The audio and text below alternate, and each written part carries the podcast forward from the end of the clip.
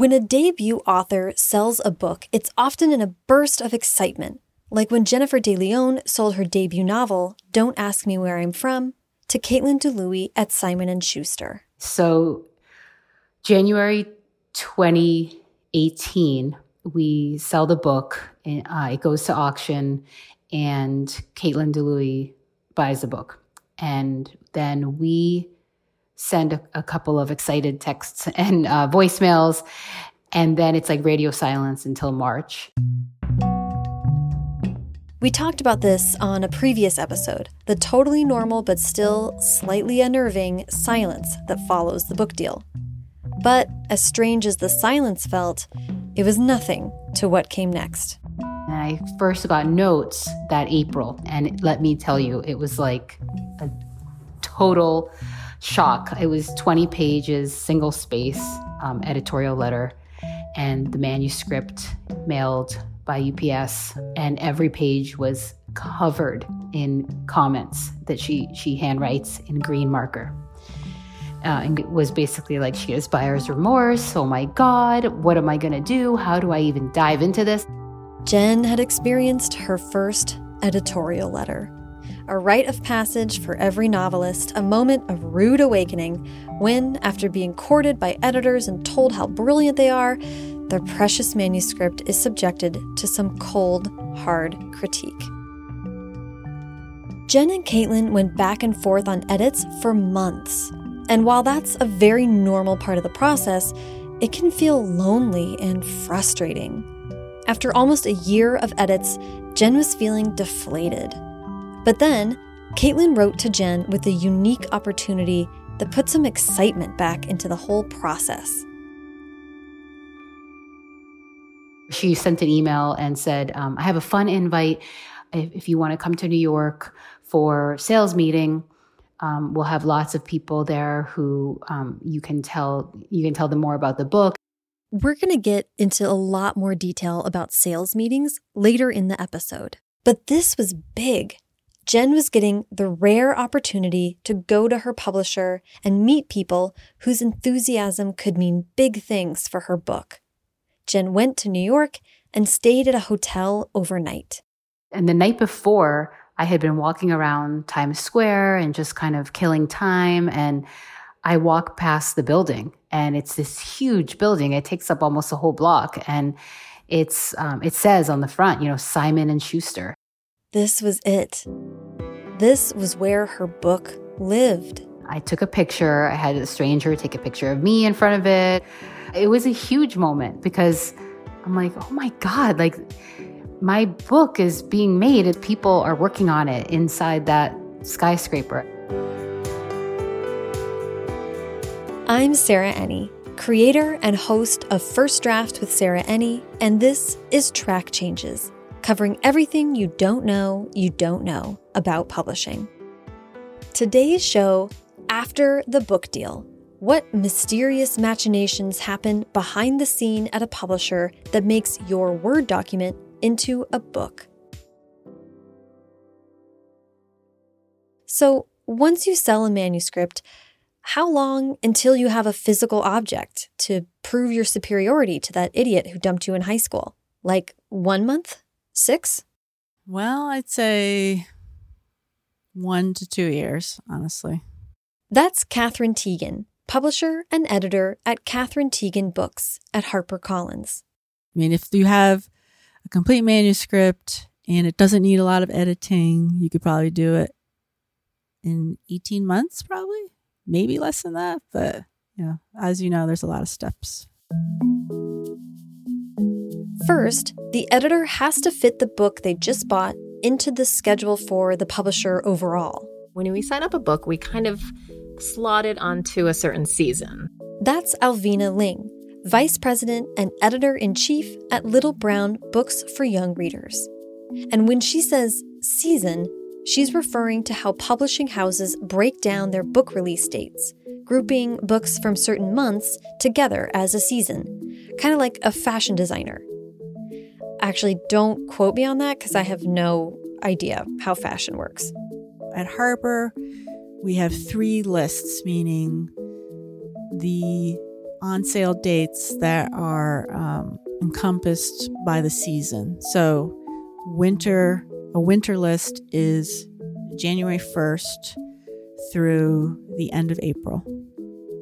Then, summer, the summer list is the beginning of May through the end of August. And the fall list is the beginning of September through the end of December. Things are different at different publishers.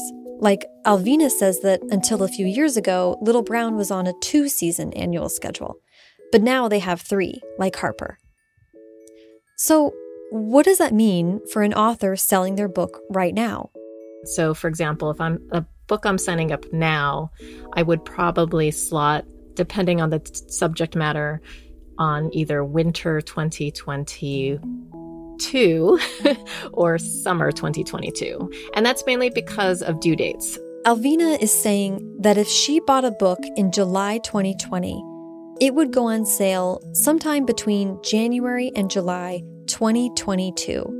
And that's because of due dates within the publishing house for things like copy editing, layout and design, and sales and marketing.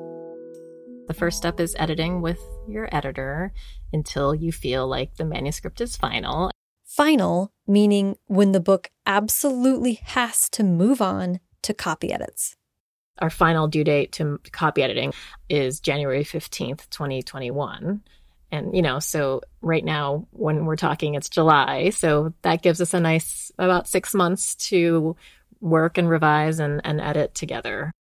Yep you'll be done making meaningful changes to your book at least a year before it comes out in stores. Then it goes into our copy editing department that when it gets copy edited. And so, you know, I think a lot of people think that editors are the same thing as copy editors, but the truth is I'm actually very bad with grammar and I'm not a great speller.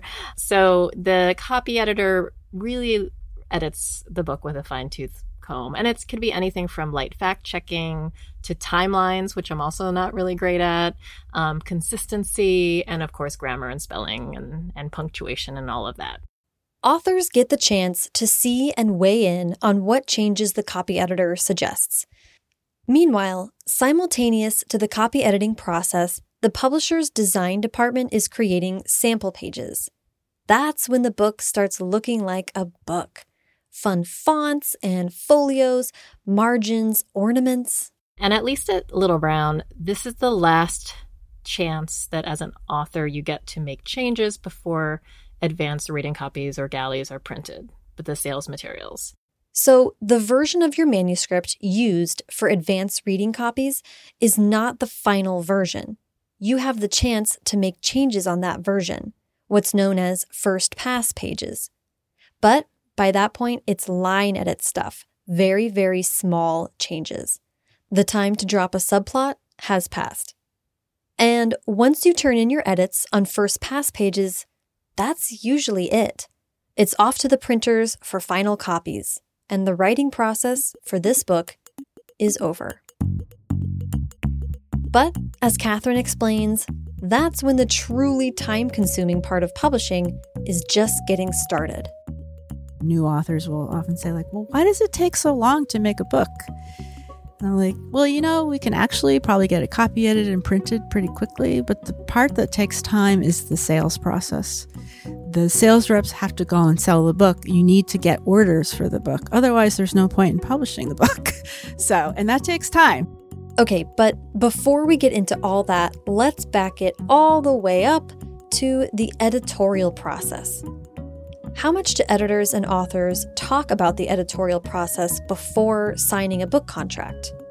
So, before a contract, um, I might have a discussion with an author about what kind of work we both think needs to be done. We usually don't go into depth about editorial notes. Um, it's more if there's something really, really serious that I want to make sure we're on the same page about and that the author is on board with making those changes. For example, like I, I hate the ending and I hope you'll change it. You know, a, a, big change like that, I do need to make sure that we're on the same page before we go to contract. I guess it's it's kind of like dating. Like if there are any deal breakers, you need to figure that out before you sign sign on the dotted line.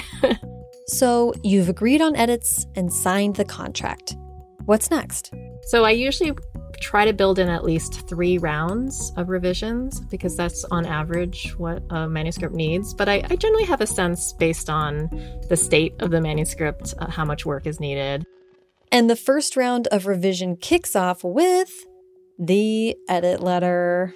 I would say that for the first editorial letter, um, th- that's the big one. That's the main one, and that's the one that I probably spend the most time on.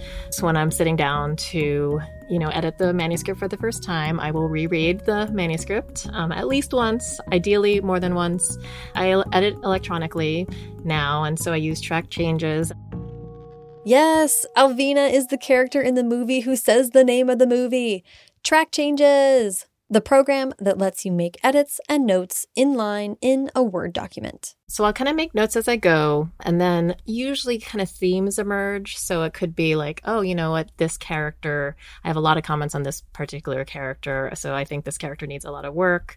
Um, it might be plot issues or, you know, things that just don't feel satisfying. So I'll reread and reread my notes and see what themes emerge. And then I start drafting my editorial letter. Editorial letters are as unique as every editor, every writer, and every book. Alvina says that since she often puts a lot of comments on the actual manuscript with track changes, her editorial letter is now usually between one and four pages. This stage is commonly referred to as developmental edits. I would say developmental edits are more like looking at the plot and the, you know, the pacing and just more big picture. So usually the first editorial letter that I send are more focused on the big picture and then as each round goes by, it get, it gets narrow and narrow and focuses in, focuses in on like the the details. And how long does this take for the editor? As editor in chief, I'm in meetings almost all day. So my editing is pretty much reserved to weekends. And I'll know for a young adult novel that I'll need at least two weekends to edit. So for a young adult novel, you know, it would be 20 or 30 hours. So, on all those days when you're refreshing your inbox, waiting for word from on high, think of the editors planning out their weekends to read your book. Now, when it comes to the actual contents of that edit letter, you always start with praise. so, usually the first paragraph is just gushing about how much I love the manuscript, because of course I do, or otherwise I wouldn't have bought it. And then I always have a line in there that says, um, These comments are my opinion only, um, but I am acting on behalf of uh, other potential readers but you should re- only make the changes that you feel comfortable with. You know, this is 100% like it is your book, um, and I don't want you to just blindly make changes just because I suggest them. That being said, if I make a suggested change or I, I suggest a solution, they might not agree with the solution, but they'll realize, but this is a problem, so I need to address it in a different way. Okay, and the rest of the letter? And then as I mentioned earlier, I do just kind of go by category. So it might be plot, it might be pacing, it might be characters. Um, and then I also, and so I end again with praise. Um, and then I'll also end with, you know, um, a schedule. So I might say, you know, depending on the amount of work I am requesting of the author, I will, you know, suggest, you know, a, a time. Like, do you think you can get this back to me by this date? And if so, you know, um, you know, but let me know if you need more time. Writing the edit letter is one thing. Being the author who reads that edit letter, it's not pretty. And editors say they get it. Here's Katherine again. I know, I hate, I know people hate to get them, but it's kind of how you fix your book. For me, it's just helping the author make the book like the best it can be. I rarely go in and say, like, well, I have a vision for this book. It's not really your vision, but it's a better vision, so I'm going to make you do it. I'm usually like, how can I make this book that this author created its best self? So maybe open that email, read the notes, and then don't do anything for a few days. My first piece of advice is to read everything over and then just sit with it and don't respond. It's fine to not respond right away. I mean, uh, to be honest, it would be great if you responded and said, "Got it. I'll I'll get back to you if I have any questions," and just leave it at that. And um, I had an author. I have an author that I've worked with for quite a few years who told me that as soon as he receives an editorial letter, he gets immediately angry and defensive. and he knows this. This is part of his process. So he makes a point to really just let it sit for at least 24 hours, maybe even longer. And then, of course, by then, inevitably, everything starts to sink in and he realizes, okay, you know, she's right or, you know, she has a good point. Um, so just sit with it and keep an open mind. And as you're moving through the editorial process, be sure to keep an eye on the schedule you and your editor agreed on. So we're always working towards um, our production deadlines. So the deadline, the main deadline that I'm working towards with the author is the final manuscript to copy editing. And that is an important date because if we are to have the proper sales materials, like advanced reading copies or galleys, we need to have the manuscript into copy editing within a certain date. And there is a window and there's a little bit of wiggle room, but it really is not more than a month, maybe 2 months tops. And if it's if we miss by that much, we will have to talk about moving seasons.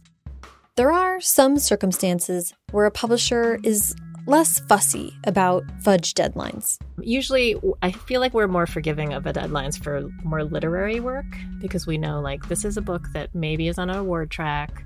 We're going for starred reviews. We can't rush it, you know, and, and we want to just make sure that it's the best that it can be. And in that case, it's worth the wait and it's fine. But, Alvina says, the longer you're in this career and the more success you have, the stricter those due dates become. Ultimately, publishers count on authors for the bottom line. We do have things like budgets where we say, okay, well, you know, we are relying on this book. And it's funny because I've worked with authors for a long time, and earlier in their career, they were so used to being able to just move books and deadlines with no problem. But as kind of their career grows and our sales expectations grow, all of a sudden, it actually does matter if we move a book or keep a book in a certain year or a certain season. And for authors who sell a multi book deal or who have an option book in their contract, the copy editing stage for this book is when conversations about that other project are likely to start. So, if a book was a multi book contract, or if it was just one book, I would say once a manuscript is into copy editing, then I'll start the conversation of, oh, what, what's next? Do you have any ideas? Are you working on anything else? While the book is moving through copy edits and having sample pages designed, the design team is also working on your cover. Ooh, the cover, your book's face to the world and the thing that so many misinformed readers will think that you designed yourself. So, the way things work at Little Brown is beforehand, we ask the author, Do you have any expectations about your cover? Do you have any pet peeves? For example, you hate books that have the character on the cover, or you hate photographic covers, you prefer illustrated covers, you know, any kind of expectations um, we, we want to know in advance. Um, and also, you know, are there covers in the market that you love or dislike? And if it's, for example, usually for more for middle grade, is there a scene that you feel would be a, a good scene to depict on the cover? Um, so we ask the author all these questions. We share that. We we put it into a it's called a cover positioning form, and that gets shared with our design department. We have a whole jacket committee where usually sales and marketing weigh in. And, you know, we try to communicate and we like to go back and forth with the author. A quick note on covers. We talked in the contracts episode about how sometimes your agent can negotiate for what is called cover consultation, or more rarely, cover approval consultation, you know, it's just a way that agents try to protect authors from getting a cover that's just been presented to them and sort of say, well, this is your cover. Bye now. That's Stacey Barney, executive editor at G.P. Putnam's Sons, an imprint of Penguin Young Readers Group. And then approval is when the author has absolute approval over what the ultimate cover will be. Like, you know, I bet if Stephen King doesn't like his covers, they get changed. Authors have strong opinions about their covers. Of course, how could we not? But Stacey and the other editors I spoke to emphasized the importance of having professional designers and marketing professionals weigh in on covers too. I think that consultation is the best place to be because it does lend itself to a collaborative effort. Like, I want to rely on the strengths and talents of my designer, and I would love for authors to also rely on the strengths and talents of their publisher. And I think sometimes when authors, just like an editor, can have an absolute vision for something, how they want it to look, they may not stop and consider, well, how will that really function in the marketplace? And if marketing is, and publicity and sales, particularly sales who are on the front line of getting their book books into the bookstores of telling you uh, that's not really what the market is looking for right now. At this point, your book is a team sport. So any one person taking total control can be bad for the project and for team morale. It just stifles the opportunity for collaboration and for everybody, every party to lean on the strengths and talents of everyone working for the good of their book. And at the end of all this, that cover is put on advance reader copies or galleys. And when those show up and they're all gorgeous and book shaped, that's a big deal. And not just for the author. When I get in sales materials, so whether it's an ARC or for picture books, we call them FNGs, folded in galleys. So when they come in in house, I love to like send a note and just say like, "Oh, it's almost a book," and look at it. As we covered in the bonus COVID episode of this series, there's some talk of abandoning physical galleys and moving exclusively to digital early editions. I would understand if that were to happen from a cost standpoint and environmental and all of that, but personally, I'd be really bummed. Now that the book has been edited, copy edited, and the interior designed and the cover revealed, it's time for the book's editor to kick off its next phase of life. So, around this time is also when we have all these internal meetings. Editors present the book to their sales and marketing colleagues at the pre sales meeting. That kicks off the marketing phase of a book's launch. And then, at Sales Conference, the marketing team presents the book to sales, this time complete with their plan to promote it. Let's start with pre sales. And so, this is the first time that editorial is presenting a seasons list internally so to sales publicity marketing subrights like all of those all of the departments that basically are going to have to turn around and do something with these books the second, later meeting is sales conference. Sales conferences are, again, a lot of presentations. So the marketing people pitching the books again, which the salespeople have mostly heard about these books by now, but it's, you know, one last time to sort of crystallize the positioning and the marketing plans for each book. Sales conference is kind of that's when marketing and publicity are presenting the books to our sales department and saying this is how we're we're positioning the book so this is what you the ammunition you can take to sell this to your accounts whether it be Barnes and Noble or or Target or Walmart or Costco or the independent bookstores. So, pre sales conference is where the editor gives an internal presentation to sales and marketing, and that's basically the handoff from editorial to marketing. Then, at sales conference, the marketing team presents to sales representatives to make sure that those reps know all about the book and its marketing strategy before they go to their bookstore accounts and talk the book up. But over the last few years, big box store timelines have shifted things slightly. Katherine explains. The interesting thing now is the way our accounts have evolved over the years. It used to be in the old days, we were just selling to independent bookstores and sales conference was sort of the main event because that's when the editors and the marketing people would talk to the sales reps who were going out literally to all these independent stores and taking orders. Now, with all of the national accounts that are dominating our lands, our retail landscape these days, they're working way ahead of what those indie reps will be doing. So pre-sales is probably more useful for them because they're going to go to Target now or B&N and sell those books. Sales conferences usually about six months prior to the season. So, you know, actually, some of the accounts have already been sold into, for example, our mass accounts like Target or Walmart. Um, you know, they get sold in about nine months prior. So everything is kind of works on a different schedule. That means that pre sales meetings, where the editor themselves pitches the book, are more important now than ever. When we talk about editors as advocates for a book in house, these meetings are the primary examples. This is the meeting where really the editor has to position the book um, and just, you know, kind of convey my passion for why I, I wanted to publish this book, why I love it so much. I'm not a natural public speaker, and I would practice in front of my mirror and I would memorize my scripts. And, you know, not there's nothing more boring than watching someone read from a piece of paper. so you really have to be engaging and try to be funny. It's, you know, it's it's not easy. It's a lot of pressure, but it's it is really important and it can make a big difference.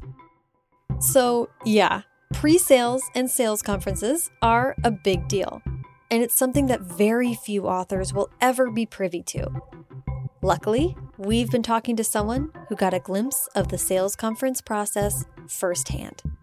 Caitlyn, my editor, had told me to prepare, you know, like an eight to 10 minute talk just about the book and why I wrote it and who I am.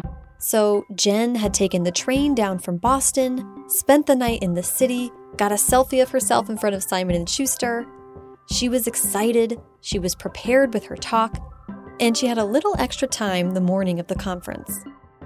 So I went and um, I Googled just like a place where I could get my hair blown out. And so I, so I ran over there.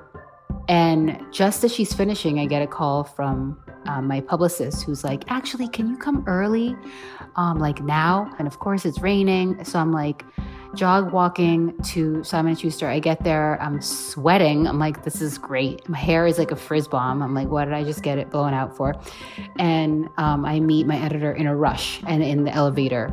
She's like, hi, hi. I'm like, I can't believe this is how I'm meeting you. Oh, yeah. This was Jen's first time meeting her editor in person. But at this point, I'm running on pure adrenaline, so it almost didn't matter.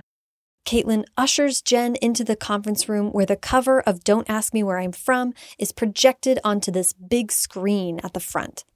Sales reps, design and marketing specialists, publicists, about 60 people total are in the room waiting for Jen to present. It is intimidating to think on some level like there's someone in this room who's the target person. Like they get to decide or have a lot of influence over the books that are on those shelves in every Target store in this country. There's the the Barnes and Noble person. But if I let myself go down that path of, of like thinking like all of these things, I, I think I would have just been paralyzed with fear. So I just tried to go back to like all I can do, which is like be a storyteller. And that's exactly what Jen did. She told them her story and the story of her book and why she wrote it. They were smiling, they were nodding, they were very, like, they were a great audience. Um, I just had this, like, thumping, like, in my, like a chest that was like, this is your opportunity. For Jen, the experience marked the shift from being the author of Don't Ask Me Where I'm From to its head cheerleader and salesperson. Everything you want to say about your book and you and how you've wanted to be a writer your whole life and like your whole family's history and like immigration story and like the future of this book like is in this bubble of like 9 minutes. And that sense that Jen got of her book moving into a new and different phase of its life, Stacey says that's true for editors too from the point of acquisition through publication. My role ultimately is a cheerleader. And as we get closer to publication, my pom pomming gets just more frenzied. This is also around the time that an editor begins to emotionally part ways with a book, like a parent dropping their kid off at kindergarten. To be honest, I know just about as much about parents in kindergarten as I do about fashion, but that's how I imagine it. Here's Alvina again sales conference is kind of the I don't know. It, kickoff, I guess I would say. Like I, I feel like once I get past sales conference, I feel like pretty much done. like there might be the final touches of, you know, book production, but for the most part, I'm by then I'm already focusing on the next season. And it's when other teams, like publicity and marketing, take the reins. Quick note about this part of the process we just talked about a lot of people who worked on your manuscript that you may never meet or talk to, but they made a huge difference in the life of your book, and you should think about including them in your acknowledgments. I think it's really nice when an author is writing their acknowledgments and they ask the editor, um, can you tell me who helped work on this book? You know, because there are a lot of people behind the scenes. For example, you will probably never meet your production manager. You will probably never meet your designer or your copy editor. So um, I think asking who those people are and putting them in acknowledgments, I know that it really means a lot to those individuals. I feel like if you put those people in the acknowledgments, they will also become advocates and for your book and help spread the word and the love. Speaking of spreading the love, marketing and publicity, woof, there's a lot there. I think being a writer is is one thing, but then promoting your book, as I'm learning, is an entirely different thing. And no one necessarily signs up for that when you write a book. We'll get into it next time on Track Changes.